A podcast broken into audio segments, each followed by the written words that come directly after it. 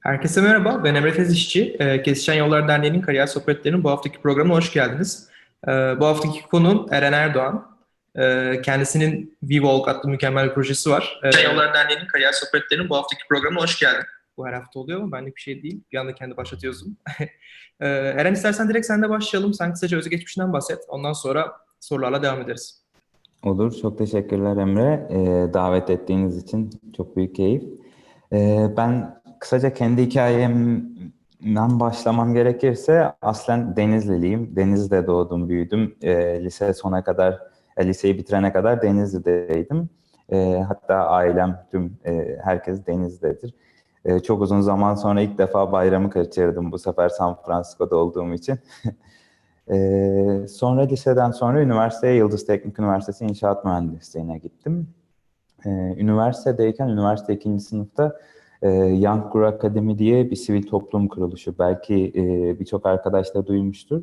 Ama kısaca hani YGA nedir, e, ne yapar diye paylaşacak olursam YGA e, geleceğin e, sosyal bilinçli ve donanımlı e, insanlarını keşfedip yetiştirmek üzere kurulmuş bir sivil toplum kuruluşu. 2000 yılında Türkiye'de kuruluyor. E, peki bu geleceğin vicdanlı ve donanımlı insanlarını nasıl yetiştiriyor YGA? Sosyal sorumluluk projeleri üstünde. E, YGA'nın odaklandığı iki tane alan var. Biri görme engelli e, teknolojileri, biri de e, çocuklara bilimi sevdirmek. Ben de üniversite ikinci sınıfta e, YGA zirvesine başvurdum. Sonrasında YGA sürecim başladı. E, gönüllü olarak çalışmaya başladım aslında. Zaten e, birazdan e, VWalk'la da bağlayıp YGA'yı daha detaylı anlatacağım. E, sonrasında üniversite son sınıftayken de bir hibe programına başvurdum. Hmm, Sanayi Bakanlığı'nın. E, bir 100 bin TL'lik hibe alıp akıllı ev teknolojileri üzerine kendimiz bir şirket kurduk. E, temelde yapmak istediğimiz şey de şuydu. Hmm, evdeki mevcut sistemleri e, akıllı bir şekilde yönetebilecek. Amerika'da belki e, sen de duymuşsundur Nest diye akıllı bir termostat var aslında. Onun Türkiye versiyonunu yapmaya çalışmıştık. E, yaklaşık iki yıldan daha fazla üzerine çalıştık. Bir prototipimiz vardı. Ürünü satmıştık. E, bir, iki, iki ayrı bankaya ürünü satmıştık. Ama hmm, donanım projesi olduğu için yeterli yatırım bulamadık Türkiye'de. Sonrasında onu kapatma kararı aldık. Hatta ben e, anlatırken e, batırdık aslında o işi. E, sonrasında Poilabs diye e, mobil uygulamalara mikrolokasyon e, hizmeti veren başka bir startupta çalışmaya başladım. Yaklaşık iki yıl boyunca orada işte Türkiye'deki büyük mobil uygulamalara mikrolokasyon servisi verdik. Ben onun daha çok satış ve iş geliştirme tarafında sorumluluk aldım. E, o da şu an büyüyerek devam ediyor. Türkiye'de birçok e, banka e, ve işte kişisel e, mobil uygulama müşterileri var. Sonrasında 2017 yıl başında da e, girişimcilik, teknoloji hani hep ilgimin olduğu alandı. O yüzden San Francisco'ya taşınma kararı aldım 2017 başında. E, 2017 Nisan'da da e, San Francisco'ya geldim. İlk öncesinde e, dil dil e, eğitimi aldım bir dönem. Sonrasında Stanford'a e, gittim bir dönem boyunca. Stanford'da e, girişimcilik eğitimi aldım bir dönem boyunca. iki ayrı e, derse katıldım. Sonrasında da son e, 7 aydır da e, YGA'da başladığımız e, V-Walk akıllı bastonunu Amerika'ya açmak için çalışıyorum. E, V-Walk temelde ne yapar? Akıllı baston deyince yani aklımıza ne geliyor? E, herkes biliyordur yani herkes e, görmüştür.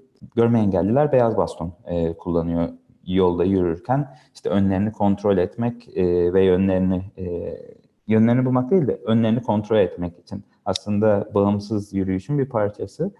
E, ama biz YGA'da e, son 10 yıldır görme engelliler alanında teknolojiler geliştiriyoruz.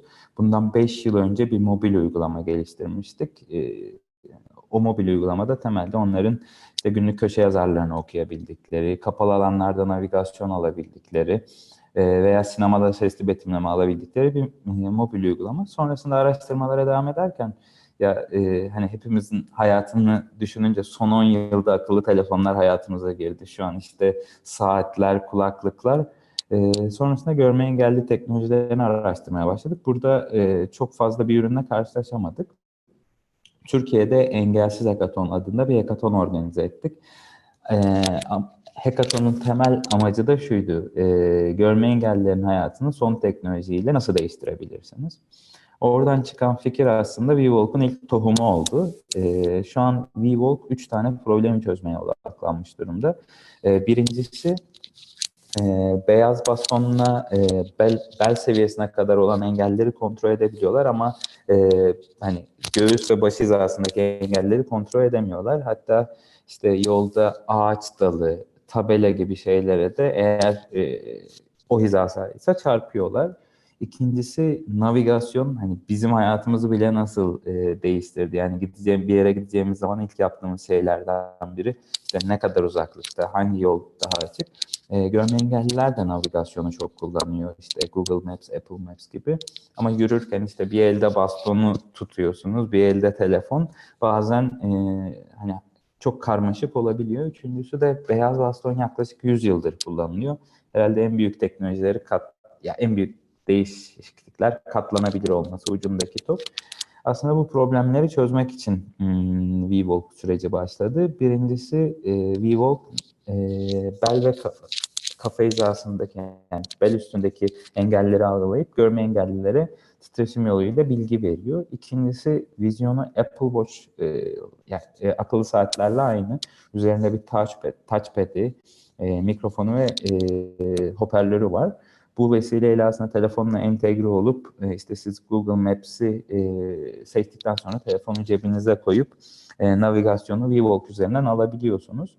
Şu an Google Maps entegrasyonunu yaptık. E, Alexa entegrasyonunu yapıyoruz. E, yani telefonuna hiç e, ihtiyacı olmadan Alexa deyip herhangi bir bilgiyi e, VWalk üzerinden alabiliyor. Üçüncü olarak da hmm, biz bunu bir non-profit organ, e, biz bir toplum kuruluşu olarak yapıyoruz. Ve amacımız da e, VWalk ne kadar çok entegrasyona sahip olursa, ne kadar çok kişiye ulaşırsa bizim için o kadar değerli. O sebeple açık bir platform. Yani e, bundan 6 ay sonra bir mobil uygulama sahibi dediği zaman ben de VWalk'a şu özelliği entegre etmek istiyorum. Tamamen e, third yani üçüncü uygulamalara açık e, bir platform olacak. E, Türkiye'de de e, bir kitlesel fonlama, Arıkova'nın kitlesel fonlama platformunda fonlanmıştı ilk fikir çıktığında. Hatta Türkiye'de işte ilk 24 saatte en hızlı e, bağış toplayan proje olmuştu. Yaklaşık bir buçuk yıl önce. E, sonra bir bu bir buçuk yıllık sürede de e, işte zaten üretimini e, sağ olsun Vestel'le beraber yapıyoruz. Yani ürünün tüm geliştirmesini Vestel'le beraber yapıyoruz. Ürünün üretimi e, tamamlandı. Şu an yazılım tarafındaki geliştirmeler devam ediyor.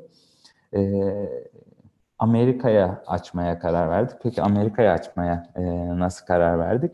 Geçtiğimiz Eylül ayında e, Amerika'daki bu alanda çalışan kurum ve kişileri ziyaret ettik. Ürünün prototipini gösterdik. O zaman prototipti. E, ve ürünle ilgili aslında onların e, geri bildirimlerini istedik. Sonrasında da Amerika sürecini başlattık. Çünkü e, akıllı baston aslında bir yana bakarsan hani roket teknolojisi değil. Yani kullandığımız teknolojiler yeni teknolojiler ama bununla ilgili 30 tane makale yazılmış. E, ama e, bu arada sesim geliyor mu? Ha.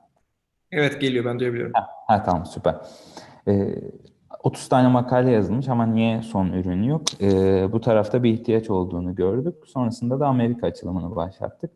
Bir 6-7 aylık hazırlık sonunda da şu an e, Indiegogo yine bir Amerika, yani tüm dünyada aslında kitlesel fonlama e, kampanyası açabildiğiniz bir platform. E, bu da aslında VWalk'un e, ilk global açılımı oldu, ilk adımı oldu. Hatta bundan bir ay önce açtık kampanyayı.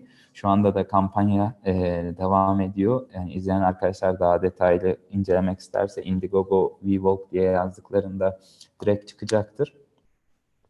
Temel olarak da şu an e, Amerika'da bu ürünü e, kullanılabilir hale getirmek için hem e, bağış hem e, insanlara anlatmak, ürünü mümkün olduğunca çok kişiye anlatmak ve olabildiğince çok görme engelliye e, ulaşmak olarak hani özetlemem gerekirse kendi hikayem WeWalk nedir? Ee, bu şekilde.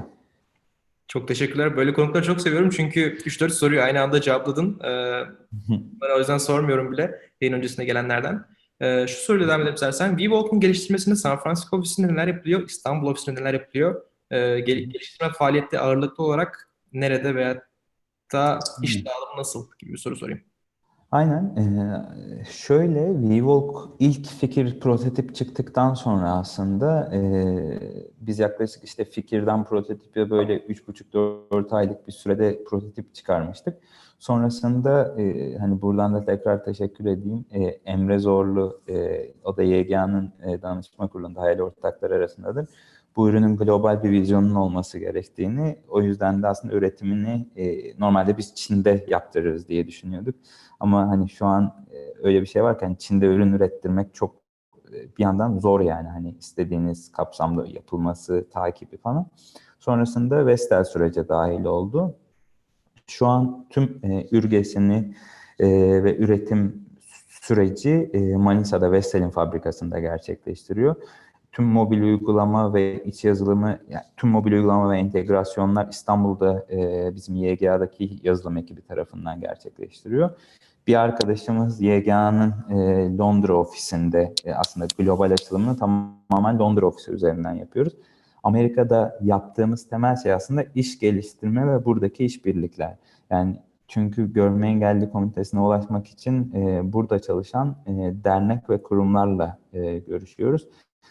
Yani e, şey vardır ya hani e, design, e, dizaynı ve üretimi tamamen yerli. Türkiye'de e, biz yurt dışında yaptığımız sadece e, bu ürünün e, globalleşmesi için aslında iş geliştirme ve işbirlikleri kovalıyoruz. Yani yer, yerli mühendisler tarafından dizayn edildi ve geliştirildi diyebiliriz, üretildi. Teşekkürler cevabın için. Ee, gerçekten çok güzel bir proje ve girişim. Ee, peki WeWalk olarak ulaşmayı hedeflediğiniz nihai bir nokta var mı? Bu projedeki başarı kriterin ne? Ee, WeWalk'taki ilk amacımız aslında e, bu alanda bir farkındalık yaratmak. Yani bu alanda bir farkındalık yaratmak ne demek? Ee, az önce WeWalk anlatırken de söylemiştim yani aslında çok e, temel teknolojileri kullanıp görme engellilerin hayatındaki o mobiliteyi e, arttırmak istiyoruz. O sebeple bu ürün her şeyden önce e, senle yayından önce de konuşuyorduk hani dünyadaki görme engelli sayısı. Dünyada kaç tane görme engelli ve kör arkadaşımız var? 253 milyon. İşte bunların yaklaşık 50 milyon tanesi pardon tane 50 milyon kişi beyaz baston kullanıyor yaklaşık olarak. Ee, aslına bakarsan birinci amacımız burada yani tüm dünyada bu alanda bir farkındalık yaratmak yani. Bu alanda bir teknolojik geliştirme yapıp diğer insanlara da e, inspire etmek e, birinci amacımız. İkincisi de e, WeWalk'u biz ilk başladığımız günden beri hani sadece Türkiye'de e, bu ürünü üretelim, işte Türkiye'deki görme engellilere ulaştıralımdan ziyade yani global bir ürün olsun. Yani Türkiye'den çıkmış, tüm dünyaya yayılmış global bir ürün e, olsun. O sebeple aslında Indiegogo kampanyası bizim için çok değerli. Yani Indiegogo sonunda e, bu ürünleri yaklaşık işte 20 yani 10 tane ülkeye gönderip 10 tane ülkede kullanıcılarına ulaştırabilirsek e, oradan çıkacak e, süreç hani 10 ülkede ayrı kullanıcısı olan bir ürün haline gelecek ve aslında bu geliştirmeler çok ayrı bir noktaya gelecek. Biz e, WeWalk'un bu versiyonunu hep şey e, diyoruz iPhone 1 yani e, bugün dönüp bakarsak kimse iPhone 1 ya da iPhone 2'yi hatırlamaz ama aslında oradaki ilk kullanıcıların feedback'i, ilk kullanıcıların sahiplenmesi herhalde bugün iPhone'un başarılarından biridir. Ee, o yüzden WeWalk'taki ilk amacımız bu alanda bir farkındalık yaratmak.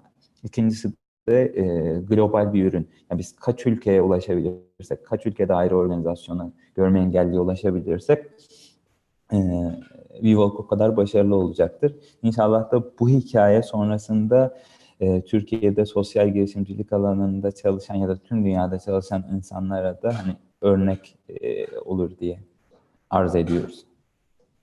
Teşekkürler cevabın için. Ee, ben de aynı umutları besliyorum seninle.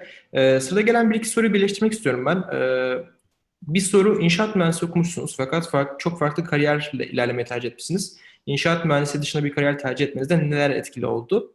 Diğer bir soru ise iş fikrini siz mi buldunuz? Alanınız olmadığı ürünü sizin katkınız nelerdir? diye. Bunların ikisini bir anda belki cevaplayabiliriz. Aslında çok güzel soru. Ee, bu ilk soru annemin de bana hep sorduğu bir soru. İnşaat mühendisliği okudun, niye inşaat e, alanında çalışmıyorsun? Ya şöyle, e, ben biraz lise hayatım, benim ailemde çok fazla kişi inşa, inşaat alanında işte. Dedem inşaat alanında, kuzenim mimar, eniştem, dayım inşaat mühendisi. O sebeple biraz onlardan etkilendiğimi düşünüyorum. E, mühendis olmak istiyordum. Sonrasında kendi e, o zamanki e, hani değerlendirme kriterlerimde hangi mühendis olursam e, benim için daha iyi olur diye. Sonrasında inşaat mühendisi olursam ileride en azından kendi işimi yapma ihtimalim olabilir, e, daha çok ihtimalim olabilir e, diye düşünerek inşaat mühendisliğini seçtim. Tabii o zamana kadar lise hayatımda mesela yazları dedemin yanında çalışıyordum, inşaatlara gidiyordum. E, onun biraz e, ailede gördüğün rol modellerin de etkisi vardır. Ama sonra üniversitede okumaya başlarken e, hani inşaat mühendisliğini seviyorum. Hatta e, ilk bu kararlarımdan biri de staj hani e, üniversiteyi bitirmen için yazları staj yapman gerekiyor. Staj yaptım. E, hani çok da sevdim inşaat mühendisliğini ama tam o dönemde YGA'da sorumluluk almaya başladığımda zaten hayatımdaki o dönüm noktalarından biridir.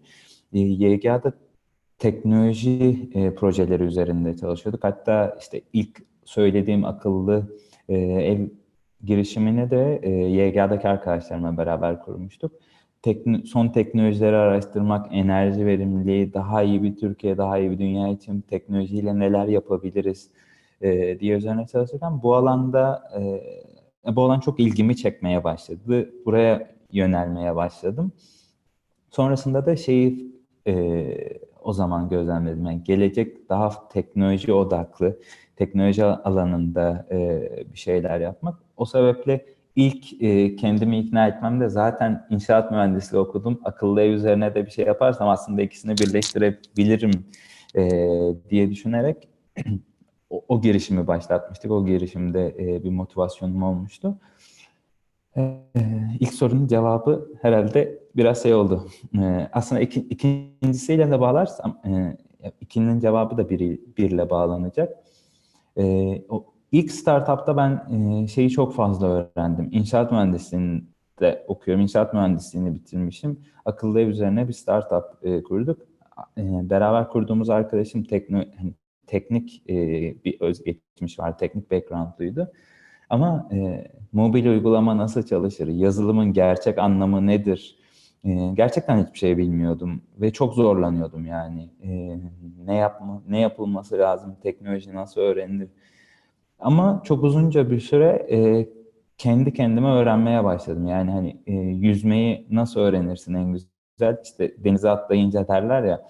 İşin içine girmeye başlayınca ve ilginiz de varsa hani benim o alanda bir ilgim de vardı. Yavaş yavaş tek, teknik işin teknik taraflarını öğrenmeye başladım. Yani iki yıl sonunda biz kendimiz bir don, e, donanım prototipi yapmıştık. Kendi yazılımımız vardı. Yani ben teknik hiçbir şey yapmadım ama e, bir üretim e, işte bir bir ürün nasıl üretilir, nasıl üretilmesi lazım e, dan hani kalıpçı İstanbul'da sanayide kalıpçılarda da sabahladık e, kalıplar için. Hmm, yazılımda bir problem çıktığında onun üzerinde teknik arkadaşlarla nasıl kafa yürütülmesi gerektiğini de çok güzel bir öğretti e, kendimi geliştirmem için, bu süreçleri öğrenmem, deneyimlemem için bir süreç oldu benim için. E, sonrasında da bu alanda devam etmeye karar verdim. E, VWalk'a nasıl bir katkım oldu VWalk sürecine? E, VWalk'ın ilk çıktığı günden beri aslında gönüllü olarak VWalk projesi içindeydim. E, dediğim gibi geçmişte e, akıllı ev tarafında e, donanım projesi yapmış olmanın, e, bir donanım nasıl üretilir, nasıl üretilemez, daha, hatta şöyle söyleyeyim işin daha doğrusu bir donanım projesi yaparken e, hangi hatalar yapılırı en çok yapmış kişilerden biri olarak yani hani aslında WeWalk ekibine öyle bir katkım oldu. E, VWalk'tan önceki yaptığım şeylerde iki tane şey vardı aslında. Yani bir, e, bir donanım nasıl üretilir? Belki onu şöyle söylemek lazım. Bir donanım nasıl üretilemez? İkincisi de e, bu alanda nasıl iş geliştirme yapılır? Çünkü e, geçmişte odaklandığım işler öyleydi. Hatta Amerika'da hep şey diye soruyorlar. E, hani sen ne yapıyorsun ya da ne yaptın diye. Ben de şöyle anlatıyorum. Teknik olmayan her şeyi yaptın yani. Çünkü işte 5 kişilik bir ekipsin. İşte 3 kişi, 4 kişi yazılımcı. Sen yazılımcı değilsin. Aslında tüm süreçleri öğrenmen ve yapman gerekiyor. Heh, ilk seferde yapıyor musun? Belki birçok kez başarısız oluyorsun ama e, bunu yapacak başka kişi yok. O sebeple birçok hata yaptığım için herhalde VWalk ekibine öyle bir katkım oluyordur. Teşekkürler. Sürekli şey diyorsun böyle hata yapmak, batırmak falan diyorsun ama aslında belki fark etmişsindir sen de. Silikon Vadisi'nde şirket batırmak aslında hiç de kötü bir şey değil. Aksine herkesin böyle tecrübelerin tecrübeli olduğunu gösteren bir faktör neredeyse. O yüzden şirket batıran kişiler genelde bunu gururla söylüyor burada. Evet evet. Hatta orada şöyle bir şey var. Ben e, çok şaşırmıştım. İnsanlar burada kendi sunumlarına başlarken ilk slaytta Silikon Vadisi Scorecard diye bir şey gösteriyorlar. Ben ona çok şaşırmıştım. Şöyle e, Silikon Vadisi Scorecard birincisi kaç iş batırdım? E, burn and crash diyorlar. E, kaç şirket sattım? Kaç tane halka arzum var? İnsanlar da işte onun şimdiye kadar şey örnekler. Şimdiye kadar üç tane şirket batırdım. Bir tane e, şirket sattım. Bir tane de e, halka arzum var diye. Evet onu özellikle çok çok ilginç. İlk önce kaç şirket batırdığını, e, yani o başarısızlık hikayesini e, özellikle vurguluyorlar. Çok doğru söylüyorsun. Ee, sıradaki sorular yatırımlarla devam edelim o zaman. Ee, gelen sorulardan yine biri, üniversitede okurken startup başlatırsak yatırım alma şansımız nedir diye sormuş. Ee, ve de sen kendi yatırım şu an bu proje için almadınız. Ee, Vivo, aynen Vivo Crowdfunding ile ilerliyor. Evet. Zaten e, VWalk'un da şöyle bir şey var. VWalk ya, bir sivil toplum kuruluşu olduğu için VWalk şu an non-profit olarak e, ilerliyor. Ama bu soru biraz daha şey yani e, benim buradaki gözlemimden de hani e, üniversitede okurken startup e, kur, kurulduğunda yatırım alınabilir mi? E, mesela Amerika'da e, zaten şöyle soruyorlar hani insanlar üniversitesini bırakıp e, startup kurup sürece başlatıyorlar. Aslında asıl soru bence o değil. Yani üniversite öğrencisi e, startup kurduğunda yatırım alabilir mi'den ziyade üniversite kısmını dışarı bırakıyorum. Eğer sen doğru bir iş fikrin varsa, doğru bir business modelin varsa e, yaşının ya da tecrübenin aslında bir önemi yok. İnsanlar niye yatırım yapıyor? İşte Emre geldi bana, ben yatırımcıyım. Ee, Emre'nin bir e, fikri var, bir business modeli var. Yine yetmiyor aslında. İnsanlar şuna bakıyor. Emre bu işe ne kadar dedi ki? Emre bunun için ne kadar heyecanlı? Yani bu iş A yolundan değil de A'dan denemeye başladı. Z'ye kadar giderse de buna yatırım yapar mı? Şey, e, bunun e, arkasından koşar mı? Ona bakıyorlar. Ha, üniversitede olmanın bir dezavantajı var mı? Aslında hani case'e göre değişir ama e, hani değerlemedir, e, süreçlerdir. Eğer sen doğru bir fik, ya bu, burada insanlar ona bakıyor. Yani benim kendi gözlemim, bir tecrübem yok ama e, senin iş fikrin. Evet, birincisi diyorlar ki fikrin. Diyorlar ki bunun bir e, business modeli var mı? Bu var. Diyor ki ama yine yetmez. Çünkü yatırımcı iş fikrinden çok e, girişimciye yatırım yapıyor. Emre bu işe ne kadar e, heyecan duyuyor, ne kadar peşinde. Bunu yapacak e, heyecanı ve şeyi var mı? Görüntü ama e, sanırım görüntün gitti. Bir kamerayı açıp kapama şansın var mı? Şu an geldi mi? Bende gelmedi ama. Ee, nasıl yapalım? Bende ben bende herhangi bir sorun yok bu arada ama e, bu arada YouTube'da da bir sorun yok. Beni görüyorlar galiba. Yok o zaman. Ee, ben sana sıradaki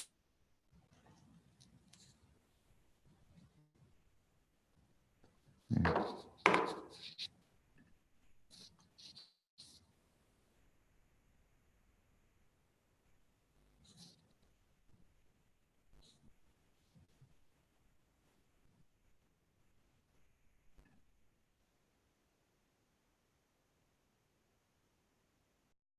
Geldim göre şu an görebiliyor musun? Görebiliyor musun? Eren? Emre? Şu an duyabiliyor musun? Görebiliyor musun? Evet, evet. internet bağlantımı değiştirdim.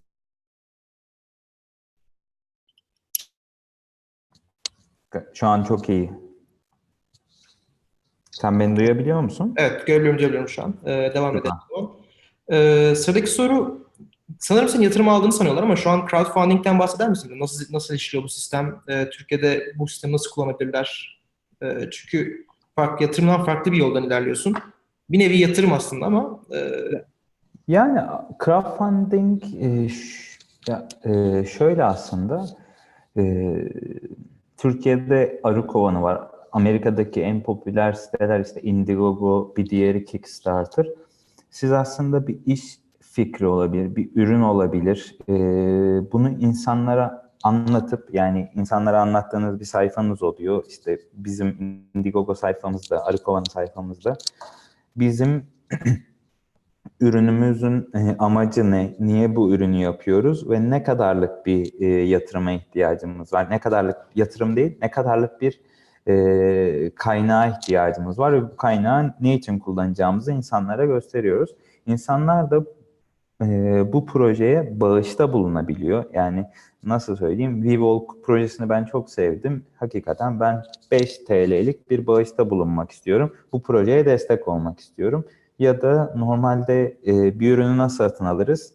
İşte internetten ödemesini yapıp siparişini veririz. Bize en kısa sürede kargolarlar. Burada da diyoruz ki crowdfunding'in temelinde ben bu ürünü, e, bu fikrim bu ya da ürünüm bu, e, bunun geliştirmesine ya da sürecine devam etmek için şu kadarlık bir kaynağa ihtiyacım var. Bu kaynak toplanırsa da bu ürünü atıyorum 6 ay sonra üretip size göndereceğim. Yani insanların biraz önden sipariş verdiği ya da destek olduğu e, şey de o yani gidip 500 bin TL birinden yatırım almak yerine 500 bin kişiden ayrı ayrı aslında destek toplayıp projeyi hayata geçirmek. Ee, Amerika'da bu çok uzunca yıllardır yani çok uzunca yıllar dedim herhalde bir e, son 5-6 yıldır çok popüler yani hatta çok başarılı crowdfunding'den gel crowdfunding e, süreçlerinden gelmiş çok başarılı ürünler de var. E, Türkiye'de de 2 yıldır aslında 2-2,5 yıldır e, Arı Kovanı e, adında bir platformda devam ediyor. İnsanlar proje fikirlerini, e, ürünlerini anlatıp e, destek olabilecek insanların e, yardımlarını önden siparişlerini toplayıp projelerini hayata geçiriyorlar. Teşekkürler cevabın için. Ee, sıradaki soru e, sanırım soran kişi yayının daha öncesini seyretmemiş ama sen e, Revolk'u Vestel'le Manisa'da ürettiriyorsunuz şu an. Aynen. Ama soran kişi şunu sormuş. Sattığınız malzemelerden doğal olarak daha fazla kar etmeyi düşünüyorsunuz. Peki materyal üretimini ucuza getirmek için Çin, Hindistan gibi iş gücünün, iş gücünün ucuz olduğu yerlerde üretim yaptırmak için neler yapabiliriz? Hiç böyle bir tecrüben oldu mu? Denedin mi yurt dışında üretimi? Ya aslında biz daha önce e, bu akıllı ev e, startup'ımızda e, Çin ve Hong Kong'da üretimler yaptırdık. E, hatta işte orada üretim. E, şöyle bir fark var. E, bizim üretimi daha ucuza yaptırmamız için ilk etapta Çin'e gitmek değil aslında önümüzdeki ilk e, step, ilk basamak e, aslında üretimde biraz şöyle e, üretime başlamak için yani bir donanım projesinde üretime başlamak için sabit maliyetlerim var yani işte bu sabit maliyetlerin nelerdir? İşte ürünün kalıbı yani plastik tarafının yapılması, üretim bandının oluşturulması, bu süreçlerin başlatılması gibi e, kaç tane üretirsen üret yani 10 milyon da üretsen işte 1 milyon da üretsen e, bu maliyetler aynı. O yüzden üretim maliyetini düşürmenin birinci basamağı e, üretim adedini yükseltmek. Yani biz işte bin tane ürün üretmekle yüz bin tane üretim üretmek arasındaki maliyet çünkü niye? İlk başlangıçtaki yatırım maliyetini bine mi böleceksin, yüz bine mi böleceksin? O sebeple e, bizim önümüzdeki ilk basamağımız üretim e, adetini arttırmak ki maliyeti düşürmek. E, bir diğer Çin'e yani normal standartlarda ya Türkiye'de küçük bir yerde üretiyor olursak e, bu ilk etapta mantıklı olabilir. Ama Vestel'in kapasitesinde e, Vestel standartlarında ürettiği üretildiği için aslında e, şu an için öyle bir planımız yok. Hatta e, hani gönlümüzden de geçen şu hani e, olabildiğince aslında bunu Türkiye'de öğretmek. Çünkü hani ya, e, Türkiye'de geliştirildi, Türkiye'de üretildi. Oradan da dünyaya giden bir ürün olsun istiyoruz. Ama e, maliyetleri eğer çok e, şey bir şekilde düşecekse uzun vadede Çin'e de alınabilir. Ama şu an ilk amacımız, ilk challenge'ımız bunun e, üretim adedini yükseltmek. O dediğim gibi ilk yatırım maliyetini düşürebilmek için. Orada e, şunu da söyleyeyim bu arada. Hani e, niye üretim adedi bu kadar çok etkiliyor. Birincisi evet ilk baştaki yatırım maliyetlerini karşılanması. İkincisi e, sonuçta e, içinde kullandığınız her bir komponentin adedi. Yani bin tane alırsan aldığın birim fiyatla yüz tane alırsan, şey, yüz bin tane alırsan bunun birim fiyatı arasında da büyük farklılıklar var. O sebeple önümüzdeki ilk e, hedef bunun üretim sayısını arttırmak. Teşekkürler cevabın için. Ee, sıradaki sorum, Türkiye'de de iş yaptın. Şu an San Francisco Silikon Vadisi'ndesin. Ee, iş kültürlerini, iş insanların yaklaşımını karşılaştırman mümkün mü? En büyük fark ettiğin farklılıklar, üç önemli noktayı vurgulayabilir misin? Üç önemli nokta dedin değil mi? Yani üç fark etmez. Sen Aynen. fark ettiğin noktalar. Aynen. Ee, bir tane soru hazırlan, bir tane soruya hazırlanmıştım. Bu bir dedim bunu kesin sonra. Ee, çünkü hani Türkiye'de de konuştuğum ya da şey yaptığım burada da konuştuğum insanlarda hmm, en fazla bu soruyu soruyorlar. Ya e, aslında iş dünyasına gelmeden önce benim kendi hani nacizane gözlemim e, temelde Amerika ile Türkiye arasında bir kültür farkı var. Yani e, bir yaşam tarzı farkı var. E, tabii bunun doğal olarak e, iş hayatına da yansımaları var. E, benim ilk gözlemlediğim şeylerden biri insanlar özellikle San Francisco biraz daha böyle belki de çok açıklar. Yani açıklık ne demek? Ee, ben işte dediğin gibi Türkiye'de de böyle işbirlikleri e, takip ettim. İşte biz e, akıllı ev startup'ımızda da yapıyorduk. E, bir hikaye anlatayım. Hmm. Burada navigasyon teknolojisi üzerine çalışan bir startup'la tanıştım. E, işte onun VVolt'ta olup olamayacağını test etmek istiyoruz. E, beni Perşembe günü saat işte 10-11 gibi bir kişi maille tanıştırdı. İki saat sonra cevap geldi. Kusura bakma bugün öğleden sonra ofiste değilim ama yarın sabah görüşelim. Ben de cuma sabahı gittim. E, VVolk anlattım. O kendi çözümlerini anlattı. Toplantının sonunda şöyle. Dedim ki hani biz sizin ürününüzü test edip kullan hani bir test etmek isteriz bizim teknik taraf. İsterseniz biz size hmm, kendi ürün detaylarımızı gönderelim. Sonra hani bunun e, anlaşma olarak nasıl yapılmasını arzu edersiniz falan diye. Şöyle dedi adam. Dedi ki boş ver sunum gönderme, anlaşma işte gizlilik anlaşması onları da boş ver vakit kaybetmeyelim. Ben sana bugün öğleden sonra bizim e, çözümümüzün SDK'sını göndereyim. E, senden de iki tane ricam var. E, işte siz bir sivil toplum kuruluşusunuz, e, sosyal bir girişimsiniz.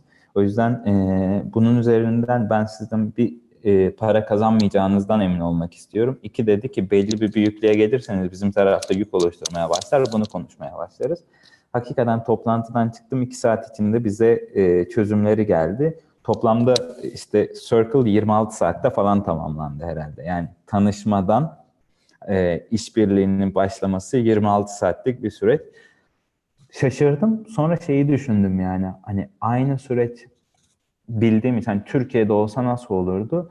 Biraz daha hani tanışma toplantısı, bir sonraki süreçte hani nasıl yapabiliriz? Sonrasında biz size bir gönderelim, siz bir düşünün. Yani çok daha yavaş. Orada o hızı e, ilk deneyimlediğim şeydi yani 26 saatlik bir süreçte işbirliğini e, başlattık. Zaman kaybını hiç istemiyorlar. Yani çok açıklar o sebeple. Yani ikinci bir hızlılar, onun sebebi de çok açıklar. Yani e, toplantının sonunda söylemesi gereken şeyi toplantının başında söylüyor. Yani bu da biraz da kültürlerinden geliyor ama e, kendi iş dünyalarında ben, bence biraz e, zam, e, zaman e, tasarrufuna yani ben diyor ki seninle ne yapacağımı ilk baştan şu şu şeyleri yapabiliriz. Bu çerçevede konuşalım. Normalde tanışırsın, konuşursun. Sonunda e, bunu konuşursun. O sebebi çok açıklar diyebilirim. E, ve duygusal değiller yani. Hani e, hiç duygusal şeylerini kenara bırakıyorlar. Çok hızlılar. Ya ben hala Amerika'daki e, kişilerin hızına yetişemiyorum yani. İşte mailde, işbirliğinde, süreçte bu şeyde de yani bir şey yapamayacaklarsa da hemen söylüyorlar. Yani. Diyor ki kusura bakma biz bu şartlarda devam edemeyiz. Teşekkürler. Yolun açık olsun e, diye. Üçüncü gözlemim de biraz startuplarla ilgili. İşte burada birçok startup yatırımcıyla tanışıp onların deneyimlerini de dinleme fırsatım oldu. Bendeki biraz startup tanımı değişti. Hmm, nasıl değişti? Hmm, biraz gelmeden önce e, kendi şeyim işte startup dediğimiz zaman böyle biraz daha teknoloji temelli, uçup kaçan e, işler hani hep aklıma geliyordu. Yani startup deyince böyle çok e, fancy bir şeyi çözmesi gerekiyor. Çok böyle teknolojik. Ama burada startup tanımının içinde hani bir ihtiyaç ne kadar temel diye soruyorlar yani. Ne kadar temel bir problemi çözüyorsun? İki, ne kadar hızlı büyüyorsun? Ee, hani temelde sorgula, hani belki üçüncüsü de şunu söylüyorlar. Ne kadar büyük bir marketin var? Hani aslında hani sorulması gereken şeyler e, buradaki startup tanımında o bendeki biraz o tanım değişti yani. E, pro, çözdüğün problem ne kadar basit. Hani sonrasında da şey örneğini e, veriyorlar. Hatta onu da bu soruyla bağlayıp söyleyeyim. E, Draper University diye startup üniversitesi diye aslında e, legal olarak üniversite olmayan ama girişimci yetiştiren bir üniversite. Onun kurucusunun e, bir konuşmasına katılmıştım. Şey diyenler hani bir fırsatın e, bir, bir şeyi yakaladığınızda gerçekten fırsat olup olmadığına, bir startup için fırsat olup olup olmadığına nasıl karar verirsiniz? Çok basit dedi bir matematiği var. Ben kendi kafamda öyle yapıyorum. Dedi ki fırsat eşittir. Ee, nerede yüksek e, maliyet ve kötü servis varsa orada bir fırsat vardır. Hatta işte şey diyor. İşte nerede e, worst service e, and high cost eşittir there's a opportunity e, diye paylaşıyor. Sonra da hani bunu nasıl bir örnekle de açıklamak gerekirse blockchain diye bir teknoloji var. Yani aslında şu an bankaların sistemini challenge eden bir sistem. E, blockchain nasıl çıkıyor? Bankaların e, sürecine bakın. E, yüksek bir yani senden sürekli bir e, servis ücreti, yüksek bir kostu var şu an bankaların. Ama servise baktığında hızlı ve hızlı ve seni tatmin eden bir servis yok. İşte diyor ki orada bir fırsat vardır. O sebeple bir fırsat olup olmadığına bakacağınız zaman e, bu denklemi, bu formülü kullanabilirsiniz. Bir, fır, e, bir yüksek maliyet var mı? Çünkü sen oradan bir e, tasarruf yapıp insanların kullanması için bir şey yaratabilirsin. Bir de kötü bir servis var mı? Onu da iyileştirdiğin zaman aslında çift taraflı e, bir şey oluyor. Fırsat oluyor. Teşekkürler cevabın için. Ben yine gelen birkaç soru birleştireceğim. Çünkü sen de birleşik cevaplıyorsun soruları. Ee, biri sormuş yine, üniversiteyi bırakıp San Francisco'ya gidip eğitim almayı nasıl buluyorsunuz demiş. Ben bunu şeyle birleştirmek istiyorum. Ee, yine başka bir soruyla. Ee, sence bir fikrimiz varsa ve girişimler için avantajlı bir yerde yaşamıyorsak fikrimize mi yoğunlaşmalıyız? Yoksa girişimler için daha elverişli bir yere taşınıp burada başarılı olmaya mı çalışmalıyız? Yani bir nevi startup'ım varsa San Francisco Silikon Vadisi'ne gelmen zorunlu mu gibi. Herkes sanki, benim kendi görüşüm benden kısaca bahsedeyim hmm. istersen. Ee, San Francisco'ya gittiğim zaman her şey mükemmel olacak, yatırım alacağım, işte çok hızlı büyüyeceğim gibi düşünüyor ama e, her startup için uygun mu veyahut da ne aşamada buraya gelmeliler sence? İlk soruyu doğru hatırlıyorum değil mi? Üniversite bırakıp San Francisco'ya gidip eğitim almayı nasıl buluyorsunuz? Yani e, biraz bana mesela bu soruyu soran birine hani şunu da şunu sormak lazım. Niye üniversiteyi bırakıp San Francisco'ya gelmek istiyorsun? Yani hani onun asıl arkasındaki amaç ne? Hani bir fikrin mi var? E, hayatına onu yapmandaki amaç ne? ona göre sorunun cevabı evet ya da hayır olarak değişir yani. Hani her şeyden önce hmm, hedefin, amacın ne? Zaten o sorunun cevabı da o, e, evet ya da hayır o amacına veya hedefine hizmet ediyor mu? O yüzden e, yani işte hayat yazılımcı atıyorum yazılımcı olmak istiyorum denenebilir hani ama temeldeki amaç ne yani ya ben bir gün sabah uyandım üniversitede ya bırakıp San Francisco'ya gitsem mi sorusunun cevabı bence göreceli. E, Bu arada çok bölüyorum ama şey için cevap verdim. Startup için San Francisco'ya. Ha. Aynen o, o da ikincisiyle birleşiyor ve benim gördüğüm hani San Francisco'da San Francisco dışından şöyle bir şey var dediğin gibi hani Silikon Vadisi San Francisco'ya gelince her şey bir yanda startup ve şey dünyası. Ama aslına bakarsan e, burası herhalde en böyle e, rekabetçi e, aslında tüm dünyada girişimcilik için e, en zor en e, rekabetçi lokasyon. O yüzden e, bir de kendi nacizane bir tane daha gözlemim var e, Silikon Vadisi ile ilgili. Evet Silikon Vadisi ile ilgili yatırım, startuplarla ilgili bir dünya var.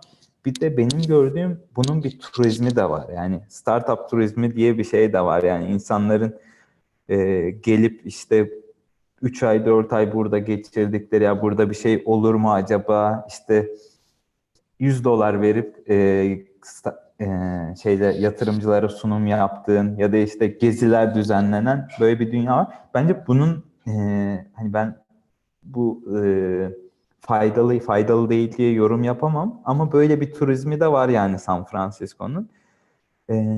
Ama iş fikrin olacaksa San Francisco'da olman lazım mı? San Francisco'da olmanın benim gözlemlediğim şöyle artıları var. San Francisco'da işbirliği yapmak ya da e, bu anlamda başarılı başarısız e, mentorlar bulmak, parayı bulmak daha kolay. Ama yine ondan daha daha önce bence şey de e, benim bir startup fikrim var. Startup fikrim olduğu için San Francisco'ya gelmeli miyim? Ondan önce yine senin startup fikrin ne kadar olgun, nereye gidiyor? Eğer startup fikrinle San Francisco'ya gidersen e, bu fikrinin, bu yolculuğuna nasıl bir katkısı olacak? Ya şöyle bir örnek var. Ben e, Türkiye'deki bir girişimciyim ve hedefim Türkiye ve Avrupa.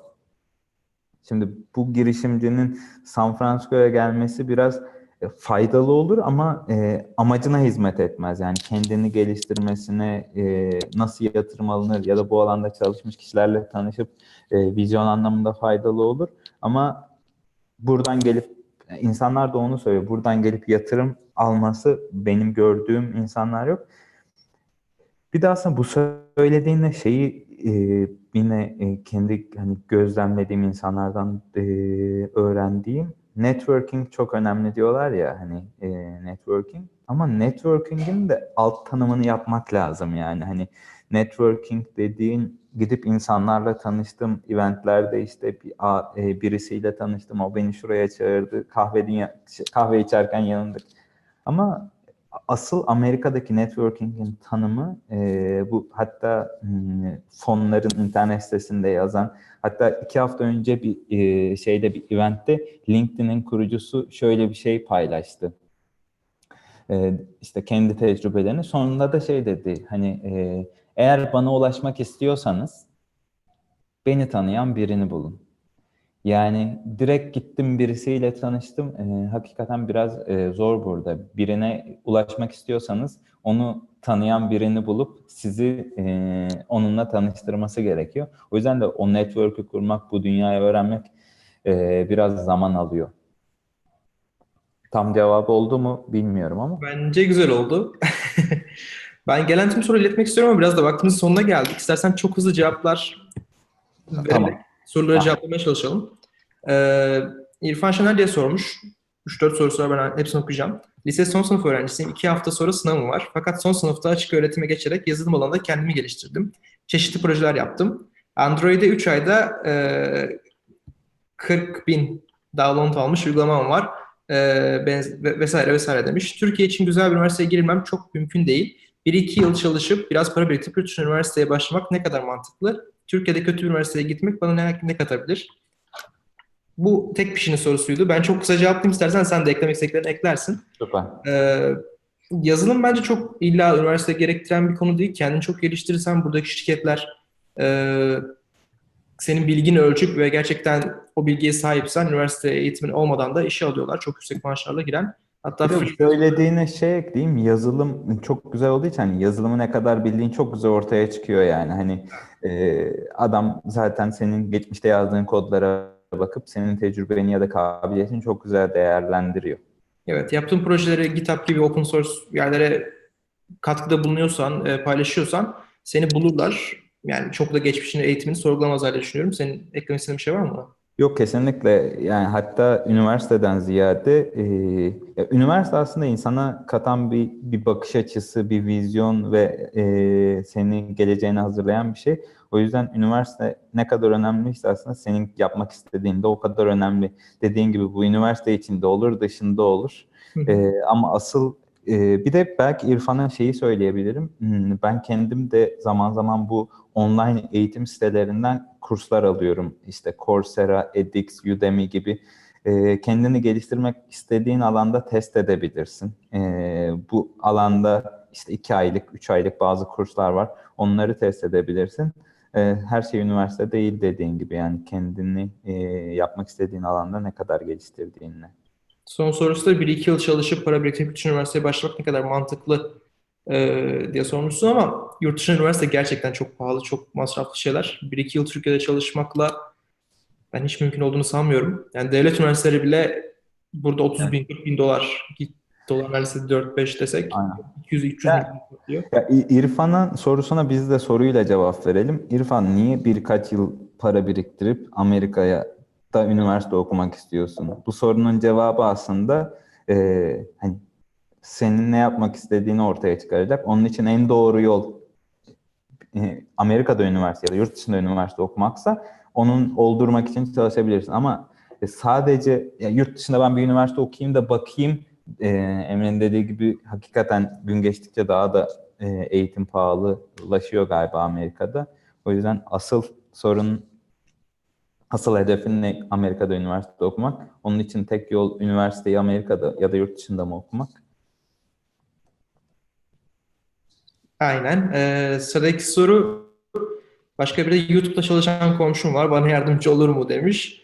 Bence yani şey e, yeteri kadar bilgiye geçmişe tecrübe sahipsen referral burada işe yarayan bir şey. Ee, sen kendi pozisyonu bulduktan sonra Aynen. refer verirsin. Seni refer ederse e, iletişime geçer. Şey yaparlar seninle.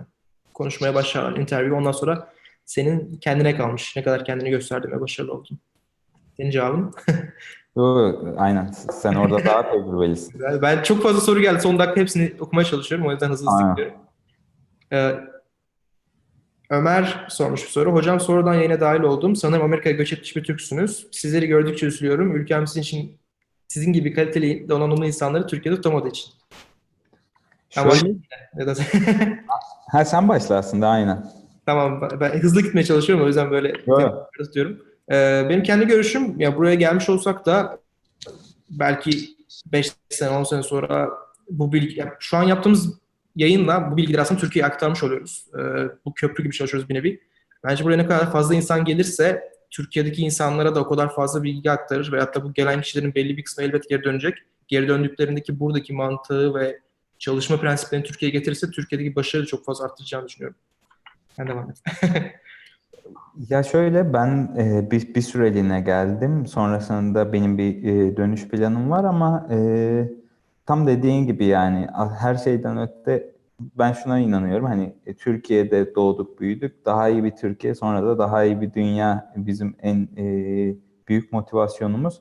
O yüzden e, sadece mesela Emre'lerin yaptığı, hakikaten sizin yaptığınız buradaki tecrübeleri Türkiye'ye aktarmak.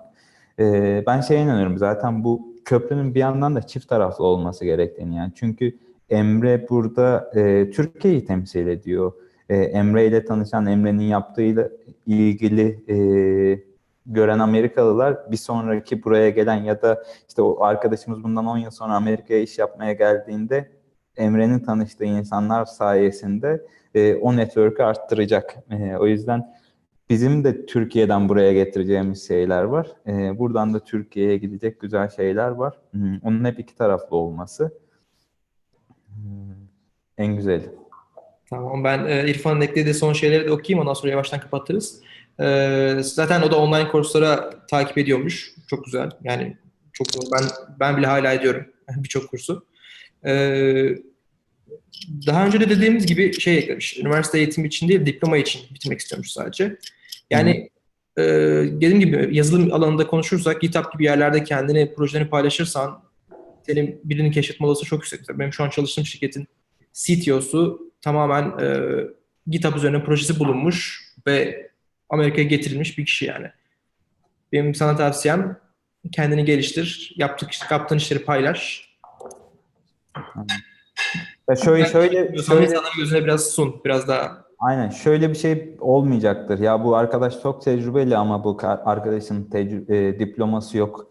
Bunu almayalım diye bir şey olmayacaktır. Ya bu arkadaşın diploması var ama tecrübesi yok diye e, hayır cevabı gelecektir. Ya bu arkadaş hakikaten çok tecrübeli. Buradaki projeleri de çok iyi ama diploması yok. Ne yapalım diye bir soru bence ben de olacağını zannetmiyorum. Teşekkürler. Ee, son olarak da şey demişler. Eren Bey LinkedIn bağlantısı için e-mail adresi istiyor. Nasıl ulaşabiliriz? Yo bu arada e, ben onu hemen kaldırayım. Bu arada ben mail adresimi e, yorumlara hemen ekledim. Bana e, hani onu bu arada tekrar kontrol edeyim ama hem LinkedIn'den ekleyebilirsiniz hem ben yorum olarak şimdi şey yaptım. E, mail adresimi yazdım. İstediğiniz zaman hani mail atabilirsiniz. E, LinkedIn'den de ulaşabilirsiniz. E, elimden geldiğince, dilim döndüğünce. Ee, çok teşekkür ederim Eren. Çok keyifli ve bilgilendirici sohbet oldu benim için. Ee, istersen sen de bir son olarak son sözlerini, V-Walk'u neler beklediğini bir paylaş.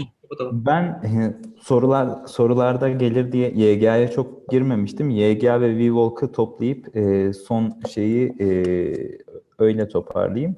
YGA e, sonradan katılan arkadaşlar da oldu. E, ben işte üniversite ikinci sınıftan beri YGA'da gönüllü olarak çalışıyorum. YGA geleceğin çift kanatlı insanlarını keşfedip yetiştirmek üzerine kurulmuş. 2000 yılında Türkiye'de kurulmuş bir sivil toplum kuruluşu. E, bu çift kanat da aslında Harvard Business Review'da çıkan bir makaleden geliyor. E, diyor ki o makalede iş hayatında çoğunlukla iki tip insan vardır. Birincisi competent but jerk yani donanımlı ama umursamaz e, diye çevirelim. İkincisi de e, lovable e, fool yani e, daha iyi bir dünya için heyecanı olan ama bunun için tecrübesi ve donanımı e, olmayan, kabiliyeti olmayan insanlar. Aslında YGA da o üçüncü e, azınlık olan hem donanımlı hem de e, vicdani zeka, hani vicdanlı olan insanları keşfedip yetiştirmek üzerine e, odaklanan ve iki tane e, sosyal e, alana odaklanmış bir sivil toplum kuruluşu. E, görme engelli teknolojileri geliştiriyoruz. Bir de e, bir ilk öğretim çağındaki çocuklara bilimi sevdirmek üzerine ve her YGA gönüllüsünün e, e, süreci de YGA zirvesiyle başlıyor. Her yıl Kasım ayında e, bir online platform üzerinden başvuru, sonrasında da zirveye davet, e, seçilenlerin zirveye davet edildiği bir süreç. YGA.tr'den e, arkadaşlar e, takip edebilirler, daha detaylı inceleyebilirler. Bana sorular olursa da e, memnuniyet duyarım cevaplamaktan. E, VWalk'ta da amacımız e, Türkiye'den çıkmış bir sosyal, globale açılmış bir sosyal inovasyon e, hikayesi çıkarmak, global bir ürün oluşturmak. O yüzden e, şu an Indiegogo e, kampanyamız devam ediyor. Indiegogo kampanyamıza desteğiniz, e, paylaşımlarınız bizim için çok değerli olur. Çünkü crowdfunding hepimizin desteğiyle e, olacak bir şey. Ben birazdan yorumlara e, Indiegogo linkimizi de e, paylaşırım. Genel olarak son sözlerimi böyle toparlamış olayım. Teşekkürler. İstersen ben son kapatırken sen paylaş çünkü video bittikten sonra e, chat de kapanacak. Ha. Sen de sırada yazılır. Ha şey, e, ama Ee, çok teşekkürler arkadaşlar. Devam edecek değil mi? Evet video sorudan seyredenler görebilecek. Ya da e, bana ben de şey yaparım. Videonun altına eklerim Ha. yorum. Süper. Ekledim bu arada. Tamamdır. Teşekkürler.